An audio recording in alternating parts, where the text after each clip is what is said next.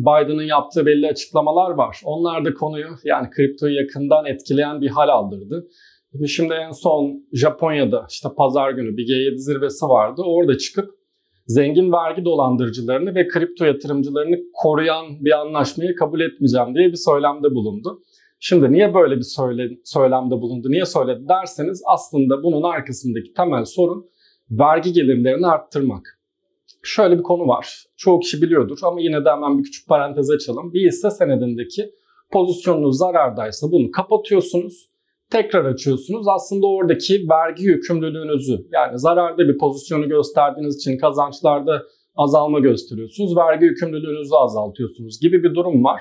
Şimdi bunun kripto para yatırımcılarının yapmasını engel olmak istiyor Biden. Bu söylemin altında yatan aslında bu. Ama buradaki konu sadece kripto ile ilgili de değil. Mesela gayrimenkul tarafında da takas işlemleri sonucunda gelen bir vergi ertelemesi var. Onu engelleyen bir teklif de sundular. Yani amaç gerçekten vergi gelirlerini arttırmak. Bu kripto ve gayrimenkul tarafındaki değişikliğin mesela iki tanesi de yapılabilirse hükümete 40 milyar dolar gibi bir vergi geliri sağlayacak. Aslında ne kadar önemli olduğunun da burada bir altını çizmiş olalım bu miktarı söyleyerek. Şimdi vergi konusu bir yana Amerika'nın kripto ekosistemine bir düzenleme getirmesi iyice karmaşık bir hal aldı son zamanlarda. Bu pek çok yatırımcı ve kurumun da ülke dışına çıkmasına sebep oldu. Cumhuriyetçi kesim sıkça bu teknoloji ve inovasyonu ülke dışına iten yaklaşımlarını eleştiriyor. Hatta bu devam ederse biz de daha çok kurum ve yatırımcının Amerika dışına çıkacağını düşünüyoruz. Bu Amerika tarafı.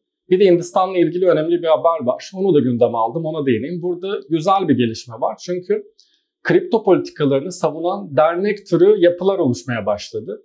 Geçtiğimiz sene kripto yatırımcıları için zorlu bir yıldı. Hindistan'dakiler için bir tık daha zordu diyebiliriz. Çünkü orada hem gelen vergiler hem de kripto kurumlarının işini zorlaştıracak engeller vardı. Onlar için daha zor bir dönem yaşandı diyelim.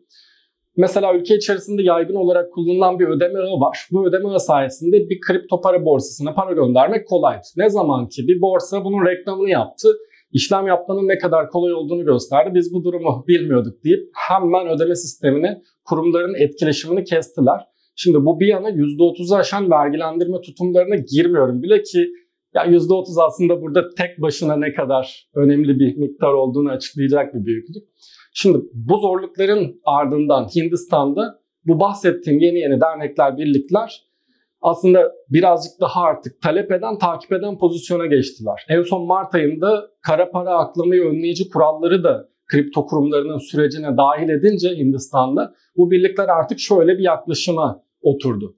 Kripto yasal zeminde biz bunu görebiliyoruz. Bütün düzenlemeleri sizler yapıyorsunuz. Bu yüzden artık ödeme ağlarına erişim yasağının da kaldırılmasını istiyoruz gibi bir teklifle gittiler.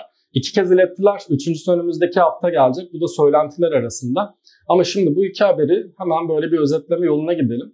Şimdi iki farklı ülkeden regülasyonla bağlı iki tane haberden bahsediyoruz. Birisi vergi gelirini arttırmak isteyen Amerika yatırımcılarını ülke dışına kaçıran taraftayken Öteki tarafta yatırımcıları biraz daha zor duruma sokan Hindistan'da hakkını arayan yapıların oluştuğu iki farklı örnek görüyoruz bu iki haberde. Düzenleme konusunda atılan adımlar diğer ülkelere de örnek teşkil ettiği için kriptonun daha geniş kitlelere erişmesinde aslında kritik rol oynayacak. Bu durum fiyata da yansıyacağı için fiyat takip edenlerin de bir gözü bir kulağının bu haberlerde olmasında fayda var diyerek neden bu iki haberi seçtiğimi de bağlamış gündemi sunmuş olayım. Paribu.